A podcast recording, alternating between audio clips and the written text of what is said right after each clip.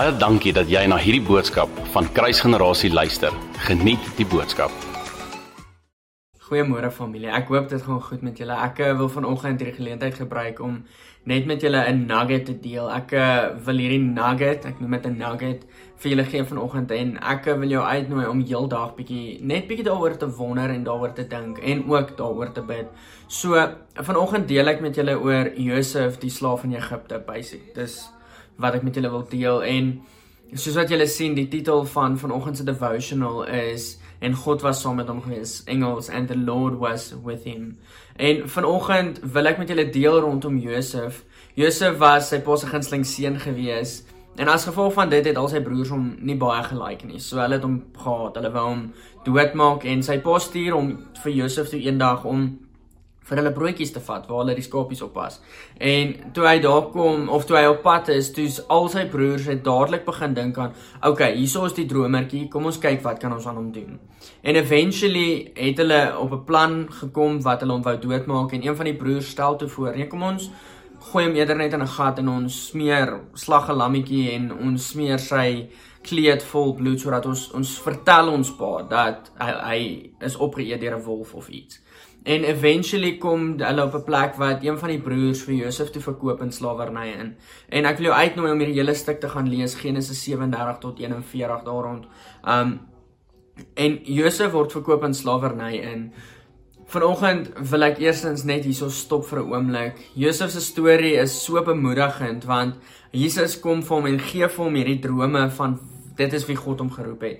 En hy vertel uit opgewondenheid uit hierdie droom vir almal maar almal is teen hom. Meeste mense is teen hom, maar hy weet dat God het hom geroep vir meer. Hy hou vas daaraan. Die tweede keer gee God vir hom weer 'n droom en hy hy gaan weer terug en met alle opgewondenheid wil hy hierdie droom gaan deel met sy familie en sy familie is teen hom. Hierdie keer is ewen sy pa kwaad vir hom. So Josef kom op 'n plek waar hy weet dat God het iets groter oor hom uitgespreek. Iets het iets groter vir hom gegee. So niks het hom gekeer nie. Nou kom Josef op 'n plek. Hierdie is wat God vir hom gesê het. Nou word hy in 'n gat gegooi en hy word verkoop in slawerny in. Die woord van God sê vir ons dat and God was with him. Die Here was saam met hom gewees en alles wat hy aangeraak het was voorspoedig gewees. En so hy's verkoop in slawerny en Potifar tel hom toe op as 'n om 'n dienskneg in sy huis te wees en terwyl hy 'n dienskneg is in in Potifar se huis kom Potifar se vrou en sy wil hom verlei En hy kom sy eerste reaksie is ek kan nie hierdie sonde teenoor God doen nie. So ons sien dat in Josef se lewe al het alles teen hom gedraai is daar 'n 'n hart van servanthood. Hy hy kies om God nog steeds te eer. So honoring and servanthood. Hy weet God het hom daar geplaas en hy weet dat dit wat God vir hom gegee het, moet hy tot die beste van sy vermoë doen. Op 'n tweede punt kom die vrou weer by hom en sy wil hom weer verlei en hierdie keer vat Josef die pad. Hy besluit hy gaan nie stil staan vir hierdie sonde nie. Hy gaan nie stil staan om toe te laat dat hierdie vrou hom seksueel manipuleer nie. En sy kleed bly agter en die vrou hou toe vas aan die kleed, Potifar se vrou. En eventually land Josef weer op in die tronk. In die tronk nou sit ek myself in hierdie posisie nou dink ek God het vir hom gesê hierdie is wat hy gaan bereik maar dis nie waar hy uitkom nie. Hoe sy nou weer in die tronk. Eventually kom kom hy op 'n plek wat hy nog steeds die gifts gebruik wat God vir hom gegee het en hy hy bedien in die tronk en so kom dit dat hy deur Farao raak gesien word en eventually word hy aangestel deur Farao as tweede in die land wat hoog is. Dis een dis basically die hoogste posisie onder Farao waar Josef aangestel word en vanoggend deel ek hierdie met jou en Ons is in 'n tyd wat dit moeilik is. Ons is in 'n tyd wat daar's 'n virus daar buite en eerlikwaar daar begin rebellie opstaan want die tyd raak te lank. Ons het nie meer kos nie. Daar kom 'n plek wat ons voel soos okay, waar gaan ons hoe gaan ons oorleef? Hoe gaan gesinne oorleef? Daar's soveel vrae van vrees wat gevra word in hierdie tyd. Daar's soveel vrae van onsekerheid wat gevra word in hierdie tyd. En vanoggend wil ek vir jou die vraag vra, um is jy op die plek wat God vir jou gesê het om te wees? Nie almal is op 'n plek wat hulle 'n pastoor moet wees nie.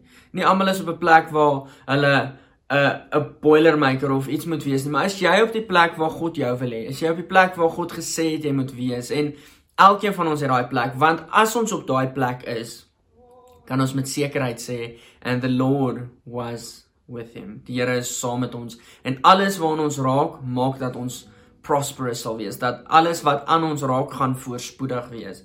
So van vanoggend bemoedig ek jou met hierdie skrifgie familie. Maak seker dat hierdie was nou 'n reset seisoen gewees. Dit was 'n 40 dae seisoen gewees wat ons kon realign. So nou na hierdie reset, kom ons maak belangrike keuses om seker te maak dat ons is waar God ons wil hê. Ons is op 'n posisie al al is dit moeilik, al is ons hele familie teen ons, want ek besef die realiteit is daar's soveel keer wat die die vyand ons familie, die naastes waarvoor ons so lief is, gebruik om ons te probeer keer om uit te kom waar God ons wil hê. Maar die oomblik wanneer ons aanhou en vashou aan wat God wil hê ons moet doen en waar God ons geplaas het, kom ons op 'n plek wat ons voorspoedig is. Kom ons op 'n plek waar daar deurbraak vir ons is. En Josef het eventually op 'n plek gekom wat hy kon voorsien vir sy hele familie in 'n plek van droogte in 'n seisoen waar daar droogte is en niks kos was nie was Farao vir hom goed gewees en as gevolg van sy posisie kon hy sy familie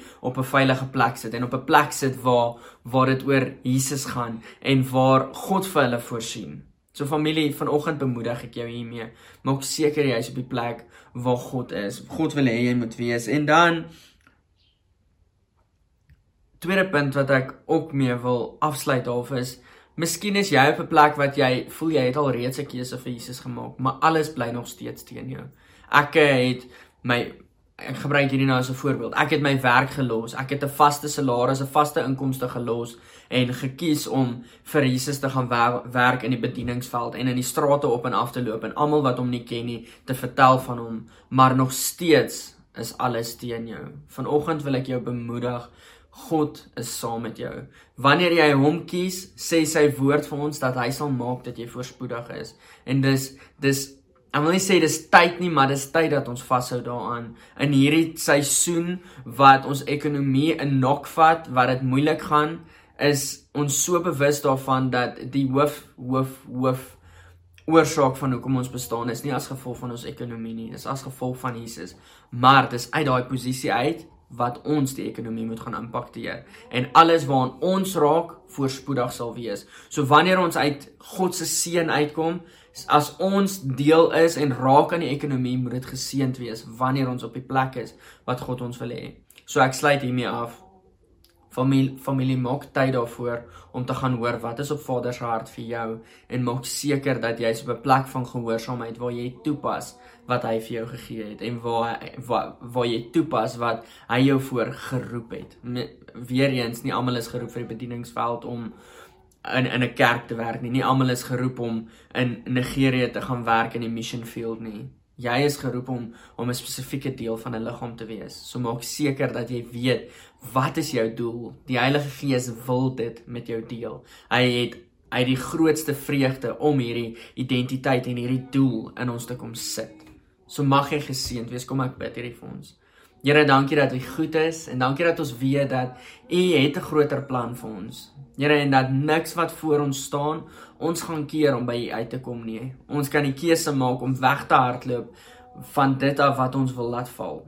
Ons sien in Josef se geval dat daar was 'n vrou wat hom wou wou mislei. Daar's 'n vrou wat hom wou verlei het en hy het gekies om sy kleed wat identiteit is wat wat veroorsaak het en of wat hom op 'n posisie geplaas het van hierdie is wie ek is, sy kleed agter te los en weer 'n slaaf te word of 'n weer 'n 'n man te word in 'n vreemde land waar waar die kultuur anders is.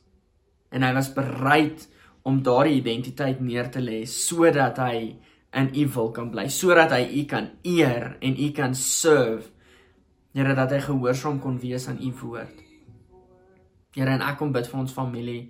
Heilige Gees, ek bid dat U so duidelik met ons familie as liggaam sal kom praat oor wat is elkeen se doel? Waarvoor het U elkeen geroep? sodat hulle u kan najag meer en meer dag na dag hart na hart in Jesus naam amen baie dankie dat jy na hierdie podcast geluister het indien jy die boodskap geniet het deel hom asseblief met jou vriende